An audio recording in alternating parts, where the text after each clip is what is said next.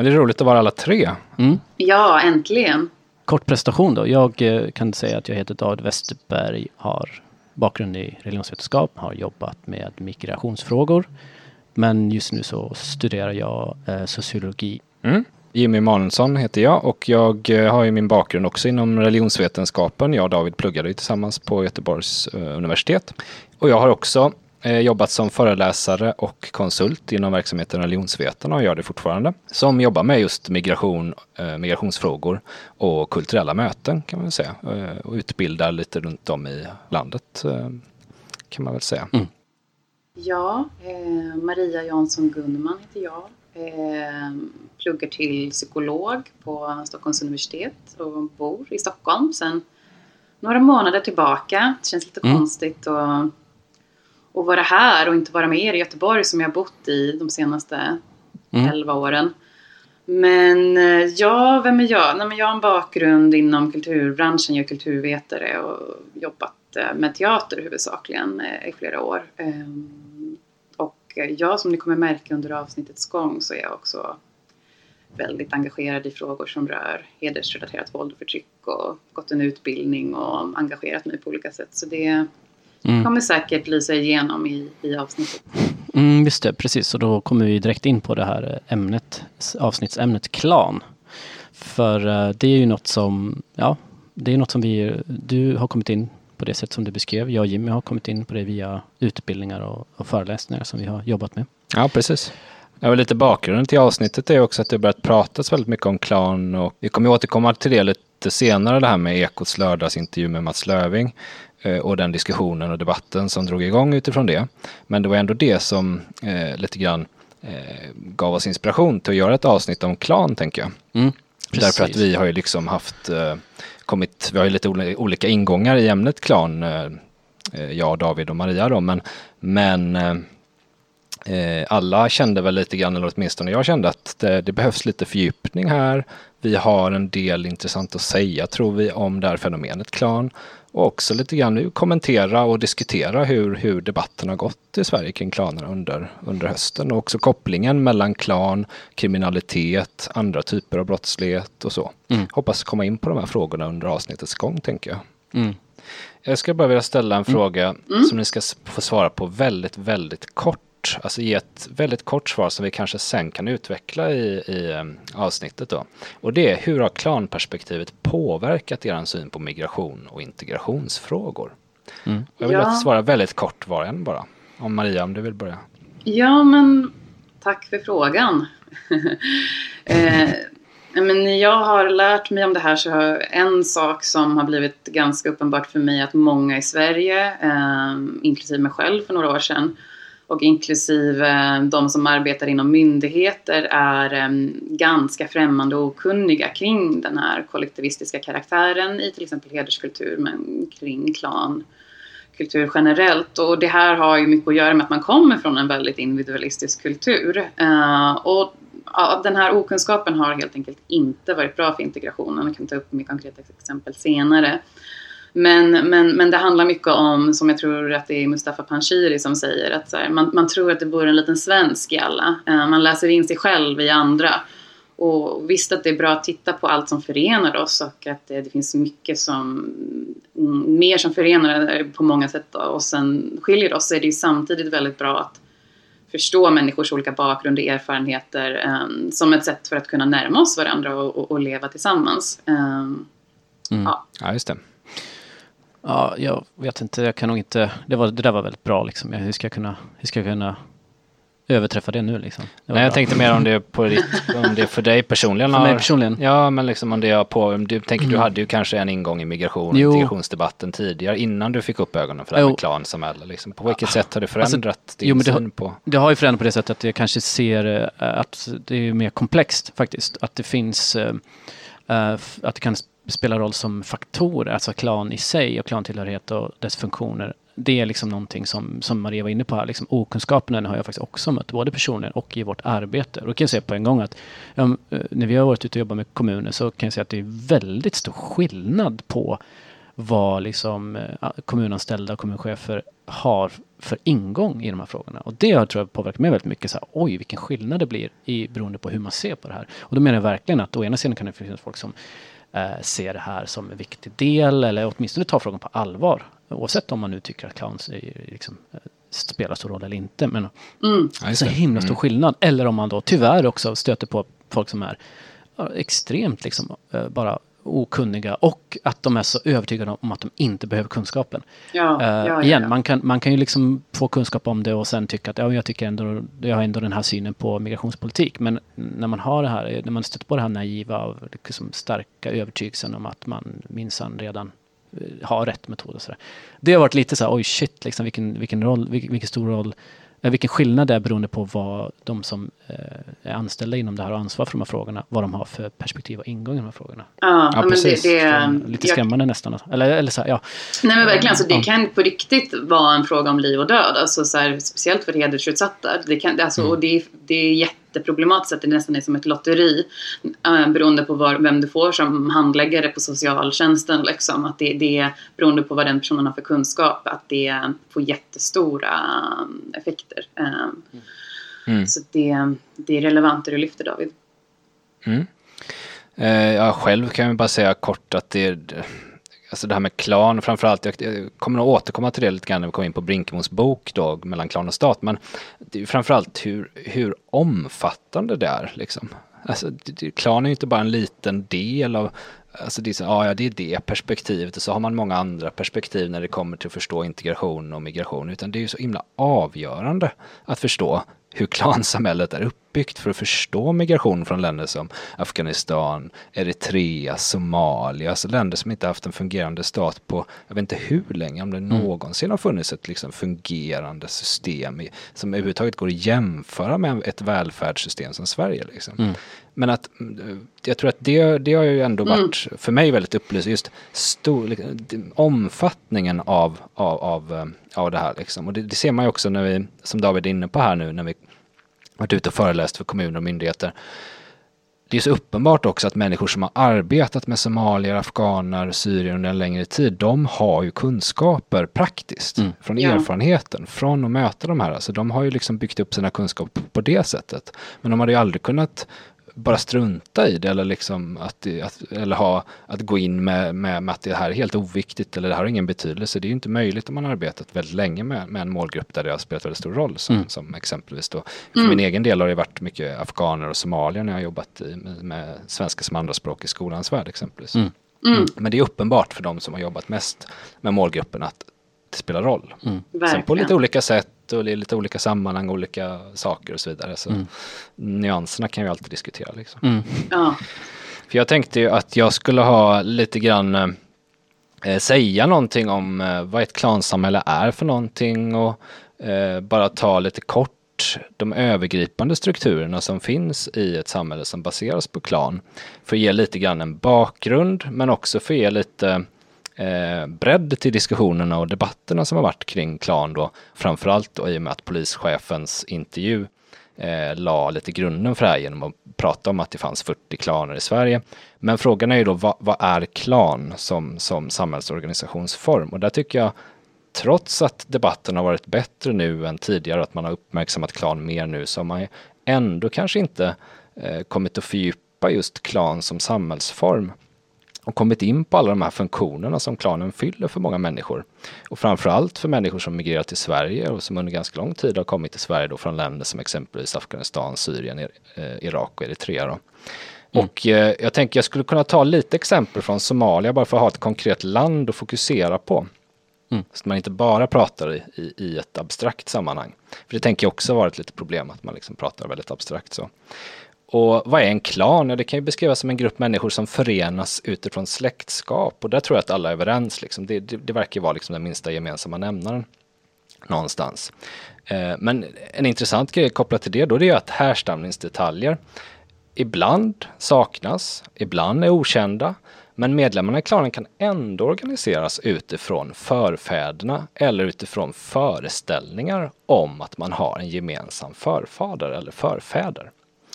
Och förfäderna då i, i klansammanhanget, det blir, de får en väldigt symbolisk och enande funktion för, för den här gruppen. Då.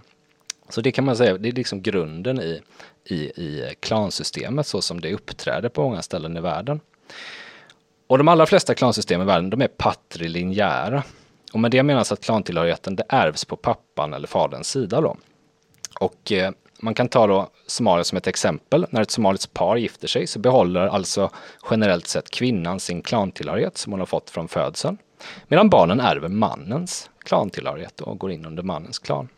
Sen är det ju så att klan som eh, samhällsorganisationsform, det är ju inte bara det här med att man har en stor släkt, en stor familj, att man hänger ihop och att det är väldigt trevligt, man har blodsband till varandra, man har stora släktträffar och så vidare. Det är inte bara liksom själva det här släktskapen, utan en klan har också massa olika funktioner. Eh, bara för att ta ett exempel som man kanske inte nämner så ofta, det är ju eh, klanens ekonomiska funktioner. Eh, Charlotte Melander vid Göteborgs universitet har ju kollat på hur en del somalier i Sverige ingår i ett globalt familjestödssystem. Och där finns det då ett eh, ständigt försörjningsansvar gentemot släkter och anhöriga. Eh, och Charlotte Melander har kollat på hur, hur det här organisatoriskt läggs in som en del i den löpande hushållsekonomiska planeringen varje månad i många familjer. Det kan handla om ett mer akut ekonomiskt stöd i olika nödsituationer. Och då kan en stor del av släkten behöva gå ihop och mobilisera resurser tillsammans. Och det är inte ovanligt att man samlar in pengar från somalier från många olika länder och från många olika delar av världen i de här sammanhangen. Utöver det här med ekonomi och ekonomiska funktioner så kan man också kolla på värden och värderingar i ett klansamhälle. Och man kan se att de på väldigt många sätt eh, kopplas till den här kollektivistiska strukturen och det mellanmänskliga beroendet som utvecklas i ett eh, klansamhälle. Och lojaliteten till den egna gruppen, det är någonting som är oerhört viktigt. Och det är någonting som jag tror vi kommer återkomma till också när vi kommer in på klan och kriminalitet. Men jag tänkte att vi kan komma in också på den roll som status, rykten och heder spelar i, i klansamhällen. Och det är ju på det sättet då att utifrån klanens perspektiv så är det, har det ju historiskt varit nödvändigt att veta vem pappan är till ett barn. Vem är far till barnet? Blodspannen är viktiga för att klanen ska hålla ihop och då kan man se att arrangerade äktenskap, ja de funkar som ett redskap för att skapa allianser mellan familjer, klaner och subklaner. Familjen kan ta ett beslut om att en av familjens döttrar ska ingå äktenskap med en man från en klan som man önskar att samarbeta med. Inte minst för att få rent materiella fördelar och beskydd. Och äktenskapet blir då en primärt en fråga om intressen kopplade till resurser och säkerhet egentligen. Då. Det handlar om att säkra släkten, gruppen och familjens framtid. Och här kommer ju då hederskulturella normer och värderingar in. För föreställningar om heder, ja, det inkluderar ju vanligen oskuldsnormen exempelvis. Liksom kontroll av sexualitet inom ramen för äktenskapet. Och utomäktenskapliga relationer, ja, det riskerar ju att sätta normen kring arrangerade äktenskap ur spel. Och sådana relationer kan också leda till att det kommer barn till världen som inte går att föra in i klanens släktled. Föräldrar till en dotter som inte följer oskuldsnormen, ja, de signalerar ju till de övriga klanmedlemmarna att deras familj, som utgör en del av den stora klanen, de har blivit en svag länk. Och deras rykte kan skadas. Det är status, det är anseende och det är heder som står på spel. De förväntas vidta åtgärder. Bland de mer dramatiska eller drastiska åtgärderna för att återupprätta heden, ja, då har vi uteslutning från klanen samt hedersmord. Hedersmord, ja, det är ganska ovanligt generellt, även i många klansamhällen. Då är det vanligare med uteslutning som, som eh, åtgärd. Även om det är också en väldigt drastisk åtgärd man i det längsta försöker undvika. För att bli utesluten ur det egna släktnätverket, ja, det kanske går att leva med ett välfärdssamhälle där det finns sociala skyddsnät och där man kan leva ett liv genom att, ja, vänner och bygga upp nya nätverk. Men blir man utesluten ur den egna gruppen i ett klansamhälle, ja då är situationen mycket värre då vanligtvis. Det kan innebära att man helt ställs utanför den materiella grundtrygghet och säkerhet som gruppen eh, ska ansvara för. Det finns en rättshistoriker som heter Mark Weiner som menar att makten i ett klansamhälle kan beskrivas som avcentraliserad och fördelad på en mängd olika släktgrupper. Och han menar då att den är utspridd helt enkelt i jämförelse med hur makten i den moderna staten ser ut. Och det kan man se också på det här att klanerna har befogenheter att straffa sina egna medlemmar i enlighet med gruppens normer. Och man kan också säga att klanerna utgör, alltså de utgör de grundläggande institutionerna som människor förlitar sig på för att hävda sina rättigheter och intressen.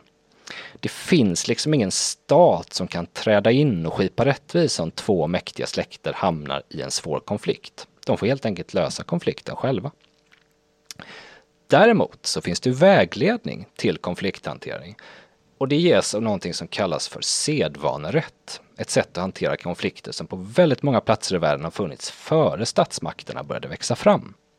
I Somalia så kallas det för herr, i Afghanistan pashtunwali, i Mellanöstern för urf och det finns på många ställen i världen då. Och kännetecknande är just att det utgår från kollektivet snarare än individen samt att man arbetar med kompensation som försoningsmekanism snarare än straff. Säg att en person från en klan mördar en person från en annan klan. Mördarens klan kommer då bli tvungen att kompensera offrets klan. Vad händer om den fastställda kompensationen uteblir? Vad händer om man inte betalar blodspengar? Ja, då finns det andra verktyg att använda. Och ett alternativ kan då bli en hämndaktion där offrets klan hämnas på mördarens klan. Säg till exempel att mördaren flyr eller bara inte går att hitta.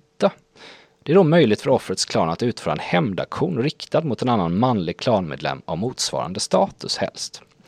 I den meningen så kan individerna bli utbytbara när jämvikten mellan grupperna ska återställas.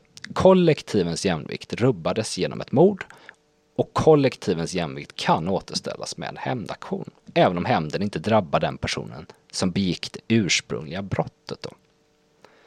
Men om kompensationen uteblir och offrets klan inte utför någon hämndaktion, ja då finns det risk att deras heder och rykte skadas.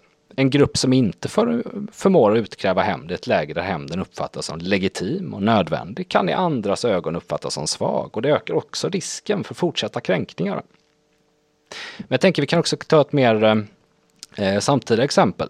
Eh, journalisten Johanna Bäckström Lärneby kom nu då eh, 2020 ut med en bok som handlar om mäktig släkt eh, i boken kallad Alasim sim eh, och deras inflytande framförallt i Angered i Göteborg. Och det är uppenbart här att många i området är rädda för familjen som utövar sin makt med våld och hot och myndigheterna försöker på olika sätt komma åt den här familjen via gemensamma insatser. Och boken visar väldigt tydligt hur släkten bidrar till att, att, att parallella samhällen växer fram med tystade vittnen, utpressningar, våldsbrott och mord. Och familjens överhuvud, som då är en lärd imam som i boken får namnet Abu Nizar, han berättar i en intervju med Johanna Bäckström Lärnaby hur han, hur han själv fungerar som medlare mellan olika klaner eller familjer i Sverige. Och jag tycker det är ett väldigt intressant citat, eller väldigt kärnfullt citat. Det är när han eh, i en intervju säger så här. Det finns många familjer här i Sverige, stora familjer som vår. Om det händer något problem mellan två personer i två familjer, de slår varandra till exempel, polisen kommer och tar en person till sjukhuset och en person till häktet. Då kommer jag in här, mellan familjerna. Inte mellan de två som har bråkat med varandra, utan jag kommer in och pratar med de andra familjemedlemmarna som inte polisen tog. Och Johanna Bäckström Lärneby beskriver vidare då hur Abu Nizar medlar mellan familjerna. Han pratar med representanter för dem, han försöker få dem att göra upp. Han kanske bjuder på middag för att lugna ner situationen, för att avstyra bråk och konflikter. Och det här är ju lite grann eh, för att lägga grunden till det vi kommer komma in på sen då. Eh, den här boken, det är ju ingen hemlighet att den här boken eh, Familjen har fått väldigt mycket uppmärksamhet och kopplats till diskussionen om klan och kriminalitet i Sverige då, just med framväxten av de här parallella samhällena. Sen är det ju så att eh, vi vet ju alldeles för lite om hur klan som samhällsstruktur fungerar och verkar i Sverige. Och intresset inom svensk forskning verkar faktiskt ganska så svalt, konstigt nog då kan man ju tycka. Men genom Johanna Bäckströms Lärnebys reportage och exempelvis polisens uttalande om att det finns 40 kriminella klaner i Sverige. Vi vet ju i alla fall att klan spelar roll, men det är svårt att ge en tydlig bild av vad det i praktiken innebär på olika platser i Sverige. Mm. Det saknas också kan jag tycka perspektiv på klanens kanske lite mer vardagliga funktioner för människor. Mycket fokus har kommit att hamna på just kriminella nätverk. Men jag tänker att Eh, med det här sagt då så skulle jag vilja fråga er hur ni ser på, alltså vilka tycker ni, om ni bara skulle få svara kort på frågan. Vilka tycker ni är de viktigaste skiljelinjerna mellan klan och statssamhälle? Mm. Ja men tack Jimmy för en jättebra introduktion. Mm, verkligen. Nu känner man att här får ju folk som lyssnar den fördjupning som ofta saknas känner jag. Um, ja, så viktiga skiljelinjer, alltså det är ju klart att jag tycker den här um, relationen till myndigheter som, alltså om man jämför med klansamhällen, mer, mer eh, renodlade klansamhällen, så är det tydligt att det är ju en helt annan liksom, syn på varifrån uppfostran och trygghet kommer ifrån. Eh, vilket då, där Sverige är ganska extrem, eh, brukar man ju säga ibland, åt det, det här hållet med att det är myndigheter, stat som på något sätt har det ansvaret och barnen liksom uppfostras av ja, men, eh, förskola och eh, personer som ja, jobbar inom liksom, olika specialiserade områden. Och det är ju, tycker jag, en väldigt stor skillnad redan där. Liksom. Mm. Nej men verkligen och det där pinpointar väl en av de viktigaste skiljelinjerna. Um, någonting som jag tänkt på det är till exempel från Per Brinkemos bok Mellan klan och staten från 2014. Eh, han tar upp eh, många, många bra exempel men ett är han jobbar ju i en eh, somalisk förening i Rosengård i Malmö som heter Somalilandförening. Jag vet inte om han är det fortfarande faktiskt. Eh, jag tror inte det.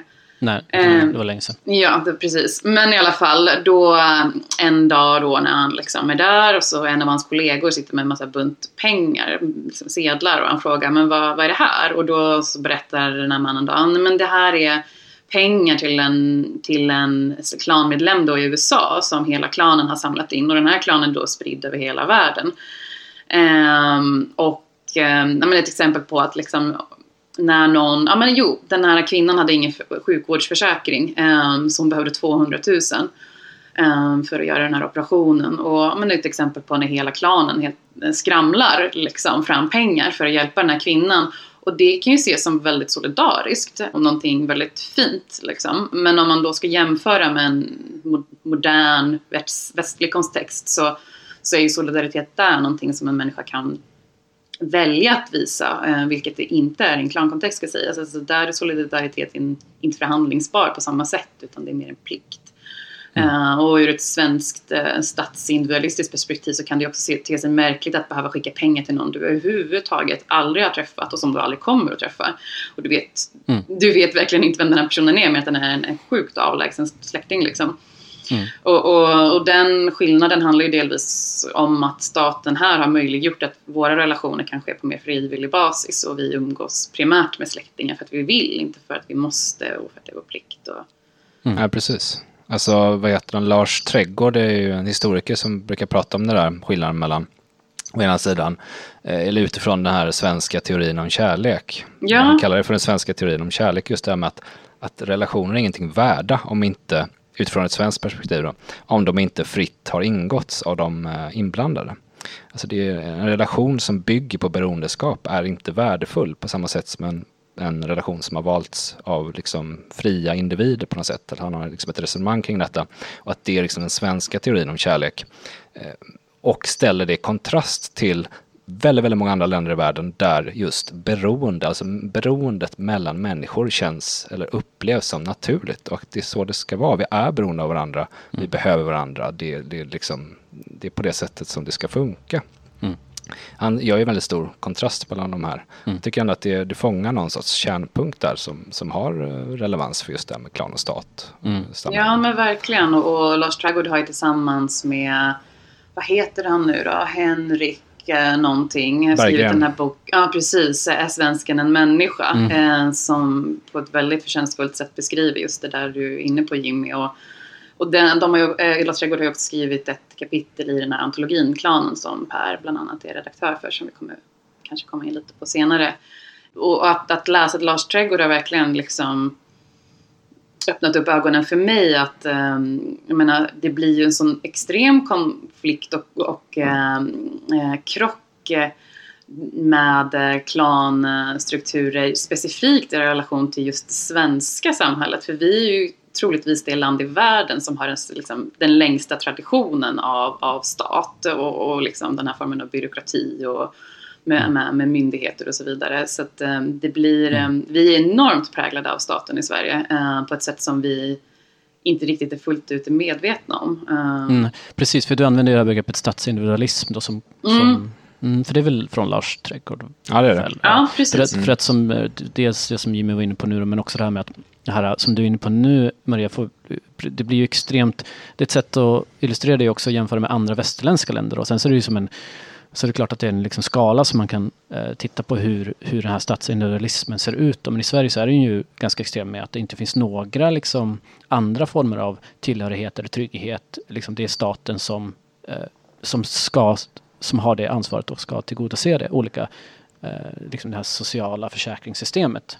Medan Ja. även i, om, eh, om jag förstår rätt, eh, det här att både i USA och Tyskland till exempel så, så finns det vissa sådana eh, tryggheter som faktiskt kommer via liksom arbete eller alltså arbets, eh, eller anställning och även försäkringsbolag på olika sätt.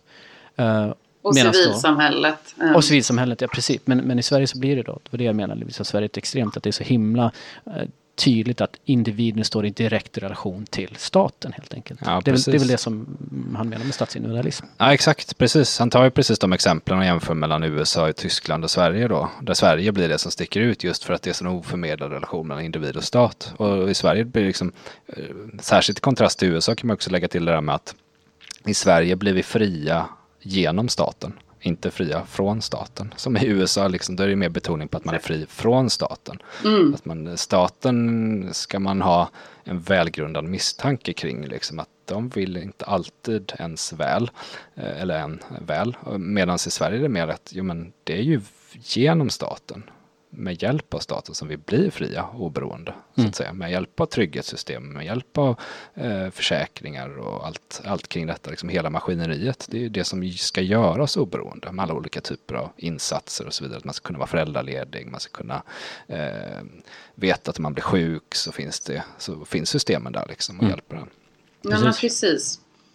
Um, jag tänkte också på det som du nämnde, Charlotte Melander då, den här eh, från, som har gjort den här forskning på svensk, eh, somalier och det här ekonomiska systemet kopplat till klan. Det visar ju också att det är också sådär och kan ju vara väldigt betungande om man säger så för som intervjumaterialet kommer fram, många somalier liksom, att, ja men det kanske inte känns kul men liksom det är så det är. Det, liksom, det kan ju vara väldigt olika där. Vissa kan ju tycka att det känns självklart, andra kan känna att ja, men det är inte så kul att ha det här kravet på ekonomisk um, försörjning till släktingar och andra i klanen och så vidare. Men det, det är också så att det kan, det, det kan finnas många olika nyanser av hur, hur det här påverkar eh, människor som tillhör ett klan på det sättet. Och det tycker jag är väldigt bra med Charlotte Melanders intervjumaterial, hennes avhandling och, och studier, att det, det kommer fram mycket där med den ekonomiska situationen, att det kan vara, det är väldigt komplext och det är väldigt omfattande, men det har liksom för och nackdelar såklart. Mm. Ja, men precis, att man rör sig ifrån det här, både från att romantisera det som att det blir någon sorts utopisk socialism av det hela. Liksom där alla bidrar med allt och ingen äger något och att det är så fint på något sätt. Eh, med, alltså, å ena sidan att man skulle kunna, jag tänker det, en fallgrupp är ju att hamna i det, Mm. men, men, men, men den andra fallgruppen skulle ju kanske vara att bara hamna i att det bara är betungande, att det bara är Ja, förpliktelser. men, visst. Men jag tänker att Charlotte Melander, hon har ju liksom ett empiriskt material där, där båda de här grejerna kanske framkommer. Liksom. Mm. Både att det kan finnas ganska mycket besvärligheter kopplade till det här med förpliktelser och så vidare. Mm. Men också att det finns något, något fint i det här beroende eller liksom i att man hjälper varandra Mm. och att man har, ja, Mm. Ja, men kanske en känsla verkligen av. Och det, ni är inne på det nu, men en annan aspekt som är tydlig när det handlar om skiljelinjen mellan de här två sätten att organisera ett samhälle på. Det är ju att, som du varit inne på Jimmy, att man, man är ju beroende av klanen för sin överlevnad vare sig du vill eller ej. Alltså det är ju både social, en social, ekonomisk och juridisk enhet som liksom motsvarar statens alla funktioner men, men organiseringen ser ut på ett helt annat sätt. Och vi är ju som vi varit inne på på många sätt beroende av staten istället för familjen och släkten när det till exempel då kommer till juridiskt och, och legalt skydd. Och vedergällning och sedvanerätt är ju någonting som vi ja, sedan länge har lämnat i ett stadssamhälle. Mm. Men i alla fall, liksom, klanen fyller ju för sina medlemmar alla de funktioner som en svensk är van att finna hos till exempel Försäkringskassan eller socialtjänsten eller för den delen liksom, polisen och Mm. rättsväsendet. Mm, precis. Mm. Så det är så mycket mer liksom, eh, än bara ett gemensamhetsbygge. Eh, Mm, det är, Verkligen. Det ska man ha klart för sig. Ja, Absolut. Ja, men en annan, en annan viktig skillnad som jag tycker också du lyfter väldigt bra i introt Jimmy, det är ju det här när det kommer till heder. Och, och för heder, för oss i Sverige, det kan ju, det betyder kanske mer att vara en hedersam människa, man är reko, man är schysst så. Men heder i den kollektivistiska kulturen är ju någonting som endast män har. Kvinnor har inte heder och, och i ett heders, hedersbaserat system så utgör ju kvinnan och hennes ärbarhet, hur, hur hon beter sig, eh, det manliga kollektivets heder, klanens heder. Så, så som du sa Jimmy, där hur kvinnan agerar påverkar ju vad heter hennes äktenskapsvärde. Så det handlar ju om att eh, hålla blodlinjerna intakta. Så och skulle hon agera alldeles för självständigt så, så riskerar ju det att hela systemet kan krekuleras. Och, och, och, och, men det här tror jag att många inte riktigt fattar. Liksom, att så här, om en kvinna till exempel då har agerat skamfullt så måste ju det här straffas. För annars, och det var du inne på, så visar man ju att man är svag. Att ens, ens familj i klanen är en svag länk. Och mm. du kan ju förlora din heder då som, som man. Och det här är ju någonting som vi i en modern stats, eh, stat, ett stadssamhälle generellt ser som skadliga gamla traditioner som vi har lämnat bakom oss. Och, mm. och ja, men, jag tror att det kan vara svårt eh, att förstå det här att om en person har agerat på ett sätt som ger den personen dåligt rykte så, så spiller det över på hela gruppen. Det handlar verkligen inte bara om, om ditt eget rykte. Har du dåligt rykte i Angered så har du lika dåligt rykte i, i Södertälje och i Kurdistan om det finns medlemmar av din klan där. Mm. Uh, ja, men absolut. exakt. Jag tänker mm. det är många som lyfter just det här. Eh, jag vet inte om det är Per Brinkemo som skriver det att om man inte hade den här förståelsen av hur heder kopplar ihop till hur hela samhällsstrukturen är organiserad i länder som Somalia eller Afghanistan till exempel, då skulle det bli helt obegripligt varför människor väljer att agera på det här sättet gentemot sina egna döttrar. Ja. I hederssammanhang exempelvis. Alltså hur kan man straffa sin egen dotter exempelvis? Alltså, det blir obegripligt om man inte har den här eh, funktionen som det fyller i, i klansamhället. Liksom. Mm. Ja men precis, mm. om man inte förstår de bakomliggande strukturer som förklarar de här beteendena så kan det ju lätt framstå som barbari. Liksom. Men, mm. men det finns ju en inre logik som, mm. som, det, som gör det naturligt. Liksom. Det är viktigt att ha med sig det nu när vi kommer in på det. Att det är, när vi pratar förstå här så pratar vi om förstå funktioner mm. Eh, och inte förstå som jag accepterar. Absolut inte. Ja, just det. Ja, det är ja. som uh, våran professor Göran Larsson uh, på religionsvetenskapliga institutionen brukar säga att, att förstå det är någonting annat än att förklara. Mm. Och att förklara är någonting annat än att försvara. Ja, jättebra. det är skillnad ja. mellan att, att förstå, att förklara och att försvara saker. Mm, precis, jätteviktigt.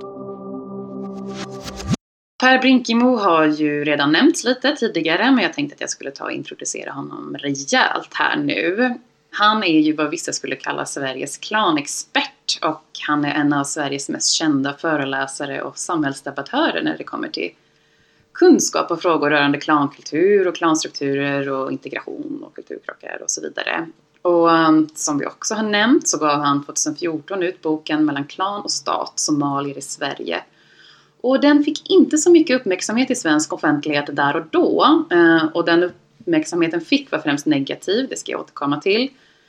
Men först och främst vad handlar boken om? Jo, om vi börjar med bakgrunden till boken. Det var så att Per arbetade i Somaliland förening. En somalisk eh, förening i Rosengård i Malmö. Han eh, slutade arbeta som journalist och började arbeta heltid där som projektledare. Och man kan säga att hans arbete främst eh, gick väl ut på att eh, öppna vägar till majoritetssamhället och skapa broar mellan den här förmedlingens medlemmar och det svenska majoritetssamhället. Och på så sätt så kommer han att intressera sig för och, och kommer att lära sig väldigt mycket om klankultur och olika kulturella mönster. Eh, och eh, med den bakgrunden så skrev han just den här boken då. Som är en bok som bland annat beskriver vad som händer när invandrare från en klankultur möter just världens mest individualiserade majoritetsbefolkning som man faktiskt skulle kunna säga att Sverige har. Och specifikt så handlar den om det somaliska klansystemet, hur det fungerar och vilka konsekvenser eh, det kan få i mötet med svensk eh, statsindividualism. Väldigt matnyttig bok om ni frågar mig när det kommer till frågor som ja, rör integration och migration och kulturkrockar. Men när boken kom då, eh, 2014, så anklagades han dels för att betrakta världen som eh, Billman Osman skrev genom en vit mans koloniala blick. Eller som en kulturskribent på Aftonbladet skrev så sidade han upp med Sverigedemokraterna. Eh, och innan boken ens hade kommit ut så publicerade Aftonbladet Kultur en debattartikel om boken med rubriken Rasistiska stereotyper om somalier. Han blev helt enkelt attackerad från flera håll i den svenska offentligheten. Men, men framförallt så kan man säga att boken inte uppmärksammades överhuvudtaget. Vilket är intressant att reflektera över. 2018 så gavs antologin Klanen ut eh, som Per tillsammans med Johan Lundberg är redaktör för. Och den här boken, precis som den första, belyser konflikter som uppstår när klan och stat krockar. Både ur ett historiskt och ett samtida perspektiv men, men boken har också personliga berättelser och lite mer teoretiska inslag. Hur blev då reaktionerna på den här boken? Ja, de här fyra åren, under de här fyra åren som har gått så har det rört på sig lite i den svenska offentligheten. Och boken eh, fick eh, blandat bemötande. Och det som illustrerar eh, det här bäst är väl när Aftonbladets kultursida publicerar en recension där boken omnämndes som en kulturrasistisk bok som kommer tjäna nationalistiska och främlingsfientliga krafter. Och kort därefter så gick då Aftonbladets dåvarande kulturchef Åsa Lindeborg eh, ut och skrev ytterligare en konstaterande recension där hon istället snarare hyllade boken. Och den här motsättningen på en och samma kultursida kan, kan ses som en symbol för, för en brytpunkt. Vindarna började vända här runt 2017-2018 skulle jag säga. Och snabbt så, um, det offentliga samtalet kring eh, integration och kultur och migration förändrades ganska snabbt. Mm. Och oavsett var man står i de här frågorna och vilka åsikter man må ha i de specifika ämnena så, så kan man se ett nästan rörande likartat mönster för utvecklingen av det offentliga samtalet i Sverige när vi ska diskutera sådana här känsliga frågor rörande invandring och integration. Eh, vi kan bara ta till exempel den eh, närliggande debatten om hedersrelaterat våld och förtryck. Eh, metadebatten rasade ju i Sverige nästan 20 år innan man mer unisont kunde enas om att eh, våldet och förtrycket överhuvudtaget fanns. Eh, och eh, debatten handlade mycket om om man nu överhuvudtaget fick kalla det hederskultur, fanns hederskultur, eh, var det inte bara vanligt mäns våld mot kvinnor och, och man pratade om att eh, det kunde leda till stigmatisering och hade dold dolde en rasistisk världsåskådning och så vidare. Det här höll man på med istället då för att diskutera hur våldet och förtrycket skulle bekämpas. Men den metadebatten är väl i det närmaste över. Men när det kommer då till debatten om klaner så tycker jag mig se att vi befinner oss i någon slags gränsland. Det är både och. Eh, för det förs dels en metadebatt. Vi ser att det finns en diskussion om huruvida man får säga klaner, eller ska vi säga familj, eller släktbaserade nätverk. Och kan man verkligen prata om klaner som en icke-svensk företeelse? Är inte Wallenberg Sveriges största klan, som Vänsterpartiets Daniel Riazat påpekade? Och um, att antyda att de som uppmärksammar klanstrukturer bedriver någon form av rasism, det skedde ju så nyligen som i slutet av november förra året och det var i samband med att journalisten, som har nämnts tidigare, eh, Johanna Bäckström, Bäckström Lerneby fick det här stora journalistpriset för hennes eh, reportagebok Familjen som skildrar den här klanen i Angered i Göteborg. Eh, men apropå det här att vi följer ett ganska klassiskt mönster för det offentliga samtalet i Sverige, även när det kommer till klan. För det som igår var tabu och rasism är idag faktiskt allt mer en självklarhet. Ehm, det ska faktiskt tilläggas att familjen som gavs ut förra året nästan uteslutet har hyllats och Per Brinkemo för nu för tiden eh, en inbjudan till varenda tv och radiostudio och han refereras till som här inledningsvis clownexpert och han får skriva varje stor dagstidning. Så nu låter det helt enkelt helt annorlunda än vad det gjorde för bara några få år sedan. Ehm, och vi får väl se om det är så att Sverige kanske är redo att lämna metadebattens träsk. Mm. Med det så tänkte jag att jag skulle fråga er, vad tycker ni om boken eller böckerna? Ni får välja om ni vill Eh, lyfta båda eller den ena? Alltså jag hade precis, jag har precis börjat arbeta som föreläsare på religionsvetarna när jag läste mellan klan och stat. Och eh, egentligen var det ju David som fick i uppgift att läsa den och mm, sätta upp en utbildning om klan. Eh, den både den, Mark, boken om Mark Weiner och mm. eh, artiklar av Joakim Gundell och alltså liksom det här forsknings, eh, de som har sysslat med klan helt enkelt då, bland annat Per Brinkemo. Men, men den här blev mm. ju ändå en av, en av böckerna i frontlinjen.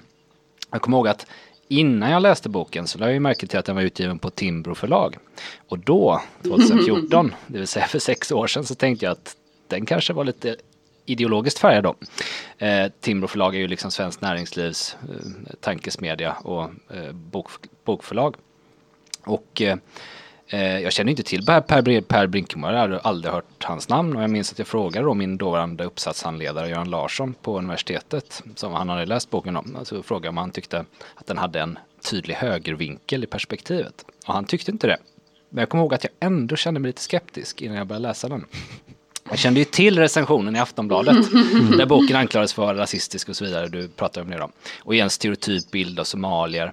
Och inte för att jag trodde att recensenten hade rätt, men jag tänkte ändå att kanske, kanske att jag skulle kunna ha lite förståelse i alla fall för de här frustrationerna.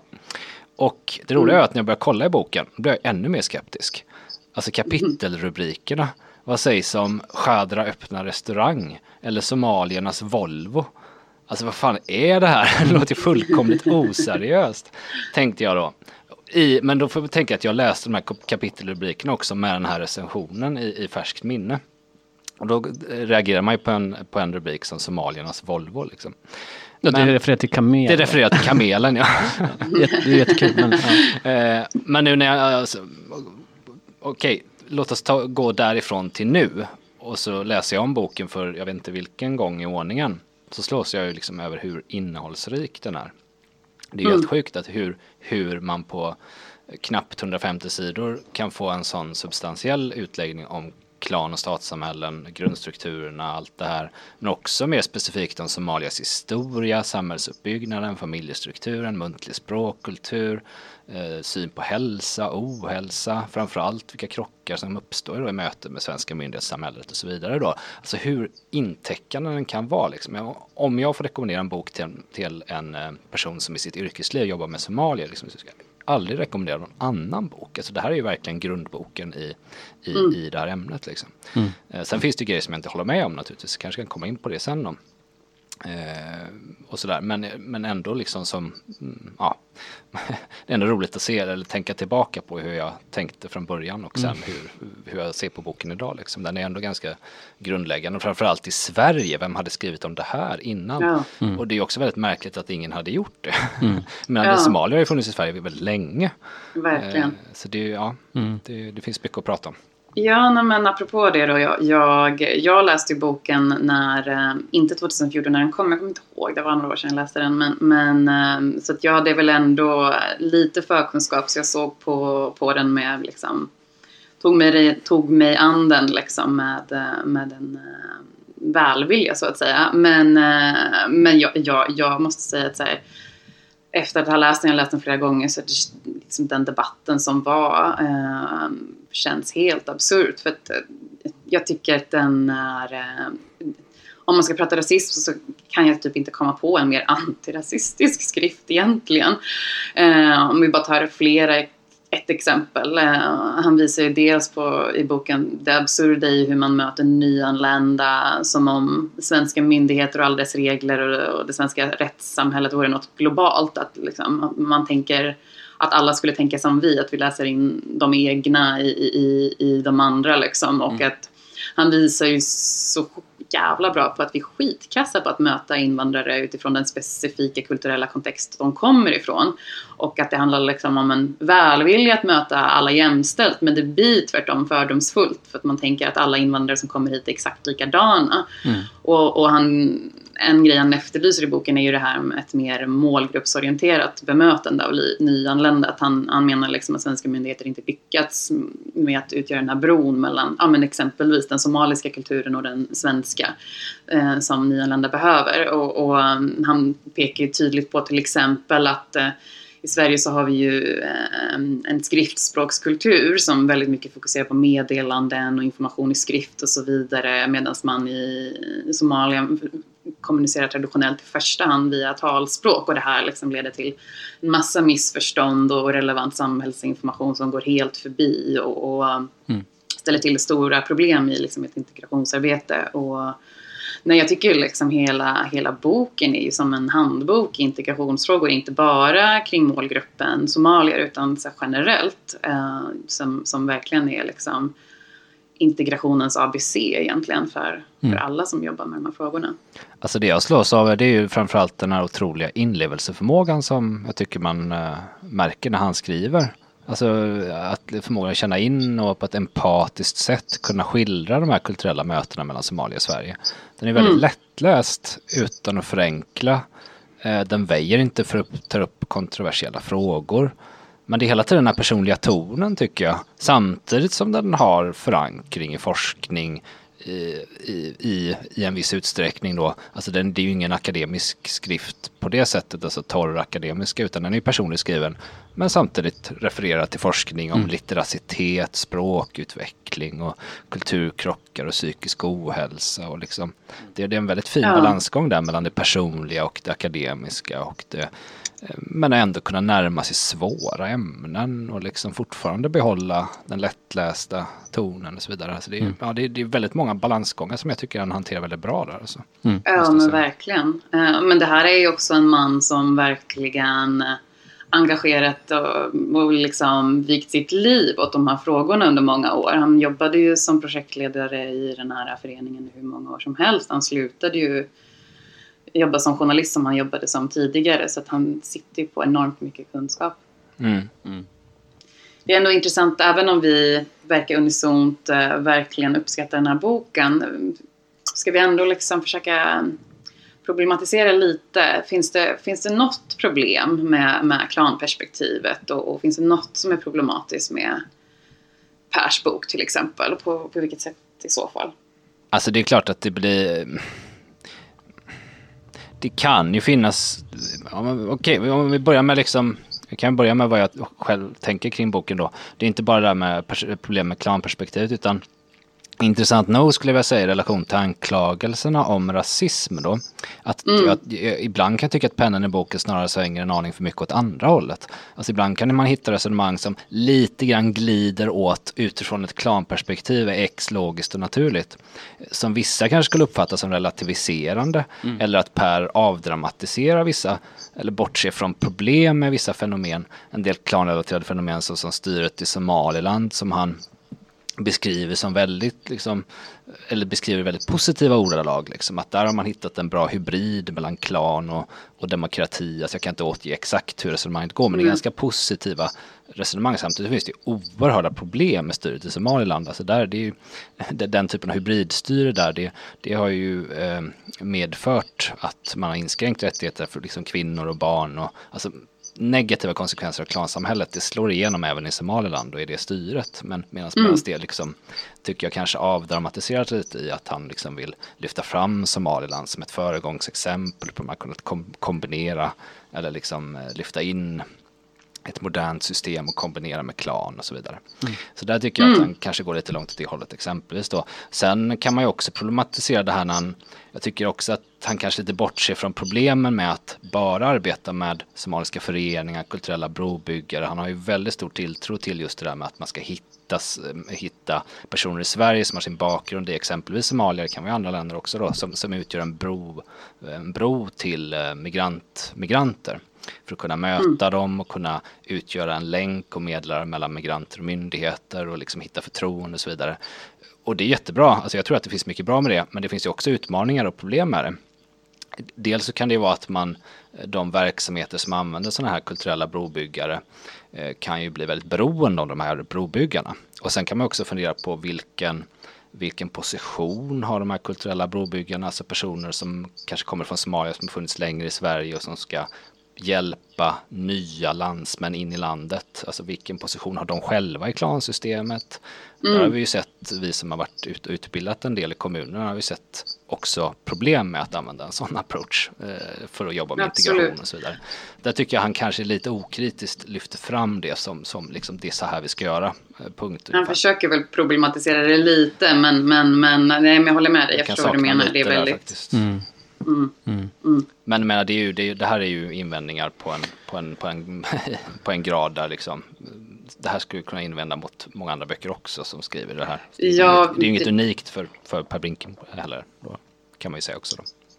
Nej, och, och, och um, det känns ju lite som att man liksom verkligen anstränger sig för att liksom hitta någonting att, att eventuellt ha, invända mot hans bok. Um, Mm. Mm. Alltså jag har absolut inget intresse av att liksom romantisera en bok. Jag har faktiskt inte tänkt på den boken så mycket. Men jag bara tycker att det, det, känns som en så himla ofarlig bok med tanke på hur reaktionerna var. Ja, det kan man ju säga verkligen. Ja, verkligen. Ja, men verkligen. Alltså, jag tycker det är intressant. Det heter det. Bilan Osman skrev ju väldigt kritiskt då när den kom. Sen har ju hon skrivit nu igen ganska nyligen i, i Feministiskt perspektiv. Och, och, um, då skriver hon väl att hon kanske liksom inte är lika kritisk nu till hans bok som hon var då. Men, men hon, hon säger att um, hon tycker att han är lite för dogmatisk i, i hans syn på, på statens funktion och att, uh, att han generaliserar för mycket kring somalier och att hon tar sig själv som exempel att hon inte alls har den relationen till klan som han Eh, får det att låta som att alla somalier skulle ha så. Och, och, jag tänker att det finns en viss poäng i, i det hon säger. Men samtidigt så, så, tycker jag ändå att han är tydlig i boken med att det handlar inte om alla från klankulturer, eh, att de lever enligt de här normerna till sin yttersta spets. Men att han liksom förklarar att för, för att förstå viktiga kulturkrockar så, så, ehm, som har till exempel att göra med syn på kvinnors rättigheter och så vidare så måste vi förstå de bakomliggande orsakerna och strukturer som finns i olika kulturer och, och, och, och, då måste man ju generalisera lite för att kunna beskriva det. Eh, och jag tycker också att han faktiskt visar tydligt att det finns individuella skillnader. eh, men att det ändå finns en, ja, som jag sa, en poäng i att se kulturella mönster för att, för att kunna liksom förstå och mildra kulturkrockar. Mm. Mm. Ja, men jag tycker hon har en poäng där, Bilan Osman, när hon skriver om hur, hur snarare kanske hur hur eh, kunskaper om klan eh, eller information eller vad man ska säga då, eh, tillämpas. Hon tar något exempel i Borås till exempel, hur någon rapport som skrevs där och jag vet inte om det var kommuner eller myndigheter som skrev en rapport om somalier och som har utgått från Bink, Brink, Per Brinkemos bok ganska mycket och kanske lite andra källor kring klan och att det kan bli på den nivån mm. Kanske lite generaliserande, kanske att man utgår från antaganden om en grupp som man kanske inte har kunskap om baserat på enbart på Brinkemos bok då och tänker att ja men då är ju somalierna på det sättet liksom. Eh, så kanske snarare, och vilket jag tror att Brinkemo själv skulle vända sig emot liksom. Så kanske snarare att man ser hur tillämpningen, det kan finnas problem på det sättet då. Samtidigt hur ska man kunna bli, hur ska man kunna förbättra det något annat sätt än att lyfta kunskapen om klan ja. i Sverige. Liksom. Alltså man måste ju ha mer kunskap, måste skriva fler böcker. Man måste ju liksom, eh, vad ska man säga, öka kunskapen för att det ska bli, bli bättre. Mm. mm. Och för att man ska mm. kunna minska den här typen av konstiga tillämpningar av klanbegreppet eller svepande och generaliseringar. Det enda sättet att bota är ju med mer kunskap. Liksom.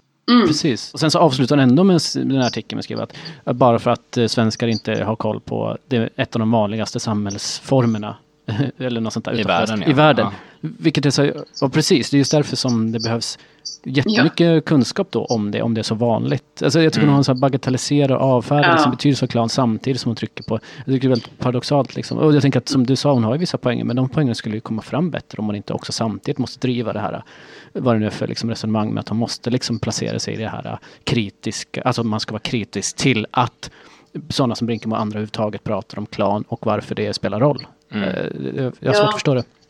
Ja, nej, jag tycker också att hennes argumentation haltar lite, eh, måste jag säga. Men jag tänkte jag skulle fråga er, eh, nu när vi ändå är inne på det, vad, vad, tycker ni om debatten kring böckerna och de här anklagelserna om rasism? Vad var de väntade? Man, man, man tänker den andra boken, Klanen då, för att, för att som Jimmy sa, jag var liksom inte heller insatt i, i just klan som fenomen 2014 till exempel. Men, men sen när man är lite insatt och sett debatten, ja, men då, då kan man kanske säga att det är ganska väntat att de här reaktionerna kommer. Så när klanen kommer så, ja, då, då är det ju nästan lite klyschigt då att, att någon ska säga att det är rasistisk bok liksom. Uh, Timbro är liksom, ja, rasistisk. Det, det känns ju lite klyschigt och uh, väldigt, det känns liksom nästan lite, det är lite löjligt på något sätt. Nästan. Ja, men det blev- jag ska säga, det bara, Det blev väl ännu, Mm. ännu mer så när det, gjorde, när det blev en favorit i repris på den andra boken så att säga. Alltså Mm. först kommer ju Mellan klan och stat och sen kommer antologin Klanen då, Johan Lundberg och, och Per Brinkemo. Och så är det sam, i princip en kopia av, av samma recension igen. mm. Ja. Det är som att man, de, man undrar om de har någon sån här hemsida de går in på som så här genererar en, en text, så här, autogenererare. Kritisk, Ja, men verkligen. Visst- liksom, visst var har en- gett ut en text, ja, generera lite om så här, att det är rasistiskt och prata om klan överhuvudtaget för att... Visst, alltså, visst var det någon artikel som spekulerade att det var så. Alltså, Det var ju på skoj givetvis, men det var ju någon... Ja, var det? Ja, det var, det var någon som skrev Det det. var väldigt roligt. Jag hade, jag hade faktiskt ingen aning om. Jag tänkte att du hade läst det. Nej, jag visste inte det. Jag vet inte Eh, vilken eller- artikel det var, ligger- men ja. bara i, i artikelflödet Ja, det kanske det här ligger som mitt man läst, läst inför avsnittet så var det någon som pratade om det där att Aftonbladet måste ha en, en robot som genererar? Artiklar. Liksom. Alltså nu börjar jag tro så att folk tror att det ljuger. Det kanske ligger där i mitt un- undermedvetna. Ja. alltså, men det var ju väldigt roligt. Ja, men så, Ja, känns, det, nej, för men- så känns det ju liksom. mm. Men, eh, nej, men jag tänker utifrån det som jag tog upp lite i min inledning där också. Jag tänker så här i efterhand så ja, jag tycker att det var väl ganska vä- väntat utifrån bakgrunden hur vi eh, förhållit oss till exempel i debatten kring frågor som rör hedersrelaterat våld och förtryck. Det är ju i princip samma debatt om än på ett annat sätt. Liksom. Och, och det har ju att göra med det här att det är så otroligt känsligt av någon, någon anledning i Sverige att diskutera liksom, kulturspecifika frågor som, som klan och, och heder. Ehm, Mm. Jag tycker att det... Men jag, jag, jag vill ta ett exempel på det som jag tyckte var så himla talande. Liksom. Ehm, jag eh, lyssnade på ett seminarium, det var faktiskt i veckan. eh, och då, då var det en, en hedersutsatt, eh, äldre, hon var väldigt äldre idag, en kvinna som eh, berättade hon lever idag på skyddad ort och, och har brutit med sin familj och så. Men hon berättade om när hon gick på gymnasiet och, och hon bör, hade väl inte riktigt förstått då att liksom, det var hedersrelaterat våld och förtryck som hon var utsatt för. Hon hade liksom inte riktigt någon begreppsapparat för det. Men nu så här i efterhand så tyckte hon att så här, jag, jag var ju ett solklart fall, hallå. Um, hon hade gått till Eh, sin skolkurator och, och, och pratat om liksom, problem hon hade och att hon mådde dåligt och så. Och um, den här uh, kuratorn hade hon inte fått någon hjälp från då. Eh, och så hade hon flera år senare eh, kommit i kontakt med den här uh, kuratorn och så frågade hon henne så, men varför, varför hjälpte du inte mig? Varför pratade du inte med mina föräldrar? Varför slog du inte larm? Och, då, och det får man säga väldigt ärligt sa hon, kuratorn, att eh, ja, nej, men jag, jag var rädd att det skulle uppfattas som rasistiskt. Att jag inte skulle respektera din och dina föräldrars kultur. För det är ju så man gör i er kultur. Och det här är bara ett exempel av så många som jag har hört där, där liksom unga kvinnor inte får den hjälp de behöver. För det finns någon slags uppfattning om att det skulle vara rasistiskt att erkänna att ett, ett problem kan vara kulturrelaterat. Eh, i, I bemärkelsen att då skulle man inte respektera deras kultur. Men det viktigaste i det här är att, att liksom lyfta som är i relation till, till den här konstiga debatten som har varit att det är ju egentligen tvärtom. För den här kuratorn, det är hon som visar på en stereotyp uppfattning. För bara för att hennes föräldrar skulle haft en viss värdering så betyder ju inte att hon som barn behöver ha det. Ehm, och, och det tycker jag liksom så här återspeglas i, i de som håller på att debattera det här och liksom så här rör sig på någon slags form av metanivå. Um, att uh, Många gånger så, så handlar det om att argumentet nej men man ska vara försiktig, jag vill inte stigmatisera, jag vill inte generalisera, diskriminera. Och, och det, är ju- det är ju jätteviktigt, klart man inte ska göra det. Uh, men, men, men de man har kritiserat för att de lyfter problemet, till exempel klan och heder, som Per Brinkemo eller Nalin Pekgul, de, de är ju supernyanserade nyanserade och, och, och, och um, är jättenoggranna liksom, att prata om det här på, på, i, sin, i sin fulla komplexitet och så vidare. Ehm, så det blir snarare bara ett sätt att liksom ehm, tysta debatten tycker jag många gånger. Att, eh, att ehm, när man kritiserar de här människorna. Eh. Ja, om inte ens så pressar man ju bort då hela den debatten att prata om de här sakerna när man liksom då ska eh, liksom avfärda de personerna som liksom ja, men, bara rasistiska, goga rasistiska ärenden. Så till slut så är det ju klart att det poppar upp då eh, på långt ut på liksom högpopulistkanten eller liksom nationalistkanten. Då liksom blir det ju där som folk då tar sina perspektiv och kunskaper ifrån. Alltså det blir liksom som att man bidrar till den typen av, av marknad så att säga. Om inte då det finns nyanserade, seriösa. Sen så behöver de inte hålla med om allt de säger för det. Men när man, när man liksom bara ska avfärda dem sådär. Det, det är det jag liksom har svårt att förstå. Man avfärdar dem så eh, kategoriskt så att säga. Eh, Mm. Istället för Ja. liksom, ah, det, det, jag tycker det här, här är ett problem liksom. Eller jag håller inte med de här sakerna. Men, men när man bara ska liksom, nej du har ju liksom ingenting att säga om det här. Det här är bort. Och liksom, det är rasistiskt och därför ska vi inte ta det på allvar. Det är ju det är Mm. mycket, det är mycket så som, och ganska liksom väletablerade personer förhåller sig till det här. Mm. Eh, som får Mm. utrymme att skriva. Det, är- de får ju vara hur radikala de vill. Men, liksom, men när man bara avfärdar som att nej men det här är ju inte viktigt. Eller det här är ju... Men, jag, men ja. jag, ja, alltså jag tror att en, en grej som sticker i ögonen på många det är just det här med att eh, Johan Lundberg och Per Brinkemo är, eh, alltså jag vill inte säga eh, vita män, men, men alltså två stycken, eh, medelålders är de väl båda två, eh, vita män som, som skriver om klan och, och som man åtminstone de flesta mm, härleder eller associerar till länder som inte de själva liksom kommer ifrån. Alltså de är inte själva infödda i en klankultur eller i ett klansamhälle. De skriver eh, om det ändå så att säga. Och det ser man ju i flera recensioner då av både båda böckerna då, både antologin Klan klanen och eh, Per Brinkemos eh, första bok att i, i de här recensionerna då som anklagar böckerna för att vara rasistiska då är det just det där liksom man vill att man ska lyfta fram i den första boken var det, lyft fram somaliernas egen röst liksom. Men även i Även i eh, den här recensionen av den antologin Klanen som recenserades i Aftonbladet så gillar ju, alltså, eh, hon skriver ju att alla bidrag är inte lika dåliga utan hon gillar ju exempelvis eh, i eh, antropologin Klanen gillar hon ju Dennis Avorins eh, eh, kapitel om, eh, om klan hos romer eh, exempelvis. Då hon skriver så här Eh, recensenten skriver så här. En balanserad läsning av klanens positiva respektive negativa egenskaper för det öppna samhället kan man finna här och var i boken. Inte minst i Dennis Avorins essä om romanifolkets oerhört eh, starka samhörighetskänsla, avsaknad av central makt, matriarkala strukturer och självregleringsmekanismer.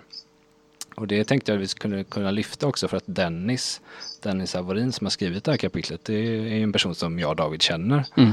Ehm, Ja. Och har pluggat tillsammans med och, och, och så Ja, för, för, för, precis. Det var ju några år sedan båda nu. Jag är ju liksom fortfarande kontakt med honom. Det är en kompis med. Jag tycker det, tycker det är väldigt roligt för tanke på att Dennis har ett sätt han ses som väldigt, väldigt speciellt, väldigt roligt och, och liksom väldigt så här, frisk fläkt. Men jag tycker det är så fascinerande att se hur han inte då blir avfärdad på det sättet. Eller att han kommer undan. Ja, hans kapitel slipper igenom den här, det här filtret liksom man har med att det är, det är ju vita män som inte hör till de här kulturerna som skriver om kulturerna medan tänker man att Dennis här, det är ju ett inifrån perspektiv som skriver om, om romer och, och kulturen där liksom. Så det, det kapitlet får sympati. Men det är roligt att tänka det eh, samtidigt som man tänker på Dennis som person. För att Ja. han är ju verkligen inte i den personen som skulle ta det perspektivet, tänker jag. Nej, eller? han ska absolut inte ta perspektivet att det här med att du måste ha en identitet inom en viss rörelse för att överhuvudtaget kunna prata om den eller grupp. Liksom. Nej. Representations, liksom, det skulle han avfärda helt och hållet. Och att han säger andra saker boken som skulle kunna uppfattas som väldigt sådär prov, provocerande. Och Mm. prata om rasifiering Ja. och postmoderna akademiker och sådär. Liksom. Men ett, liksom, nej, han, han kommer ändå undan. Ja. Ja, men jag tänker att det där är intressant att så här, han kommer undan men Per Brinkemo och Johan Lundberg kommer då inte undan som, som vita män.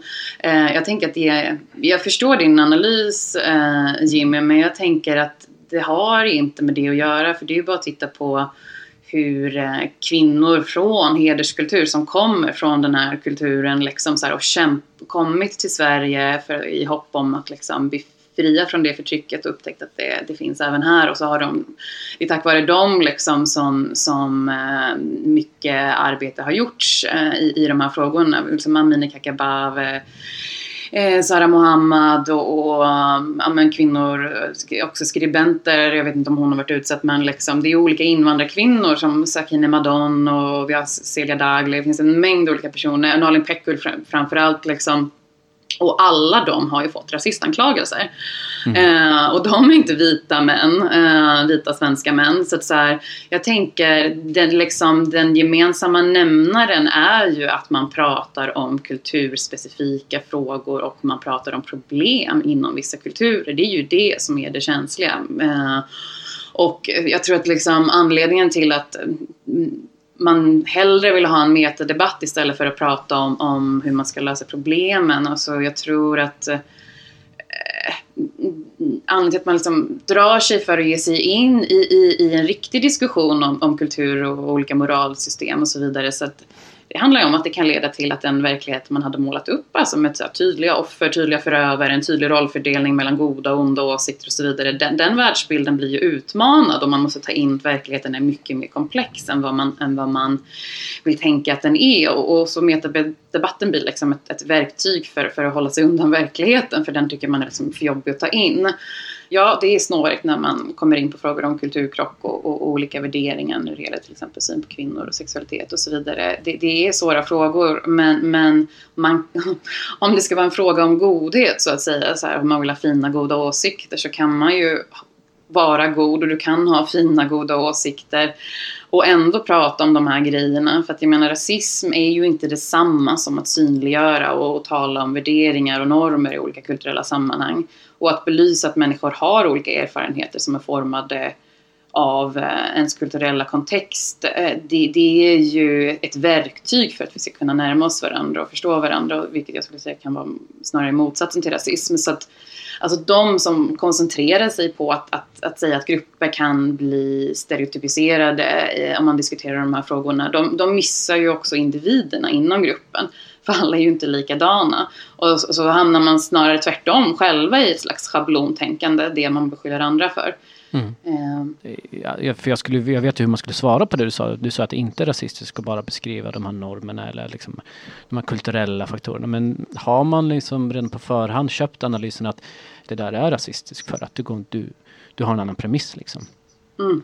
Att, att liksom hålla på och prata om de här kulturella faktorerna det är ju att mm. erkänna mm. att det inte bara handlar om eh, strukturella eh, problem i Sverige, liksom socioekonomiska, utan det mm. finns också kulturella faktorer. Det, det som jag har lite svårt att förstå det är att man kanske kan ha två saker i huvudet samtidigt då, men det gör jag ibland blir chockad över att man inte kan ha. Att man också kan säga, ja men jag tycker ändå att det är viktigt att titta på eh, socioekonomiska och strukturella perspektiv och majoritetskulturens liksom, maktstrukturer.